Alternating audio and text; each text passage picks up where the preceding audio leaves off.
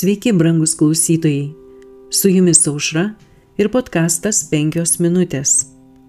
Rankos ištiestos į dangų. Aš norėčiau, kad vyrais visur, kur melsis, keltų aukštin tyras rankas be pykčio ir nesantaikos. Pirmo laiško Timotiejui antros skyriaus aštunta eilutė. Dėl Izraelio nepaklusnumo ir atsiskirimo nuo Dievo jiems buvo leista patirti nesėkmes.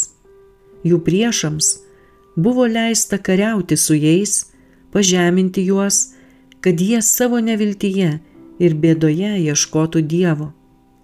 Kada amalekiečiai užpuolė Izraelį, Moze liepė Jozuijai kovoti su jų priešais.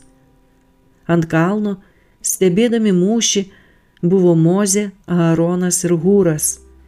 Ištiesęs rankas į dangų, ir laikydamas Dievo lasdą, Moze meldėsi dėl Izraelio kariuomenės pergalės. Mūšio metu buvo pastebėta, kad kai rankos būdavo ištiestos, laimėdavo izraelitai, bet kada jos nusileisdavo, sėkmę patirdavo priešai. Mozė pavargo ir jo rankas laikė Aaronas ir Hūras iki saulėlydžio, kol priešai buvo priversti bėgti. Aaronas ir Hūras laikydami Mozės rankas, žmonėms parodė savo pareigą palaikyti jį jo sunkiame darbe, jam gaunant ir pasakant jiems Dievo žodį.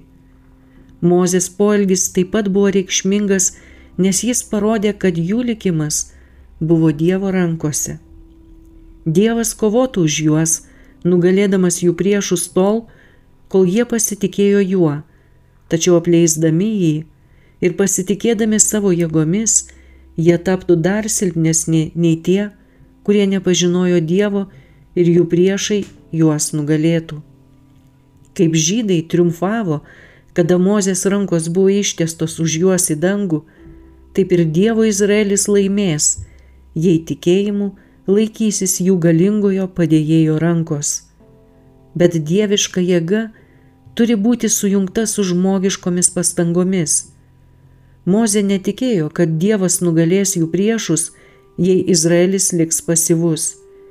Jų vadovui meldžiantis viešpačiui, Jozuė su savo drąsiais pasiekėjais dėjo visas pastangas, kovodami su Izraelio ir Dievo priešais.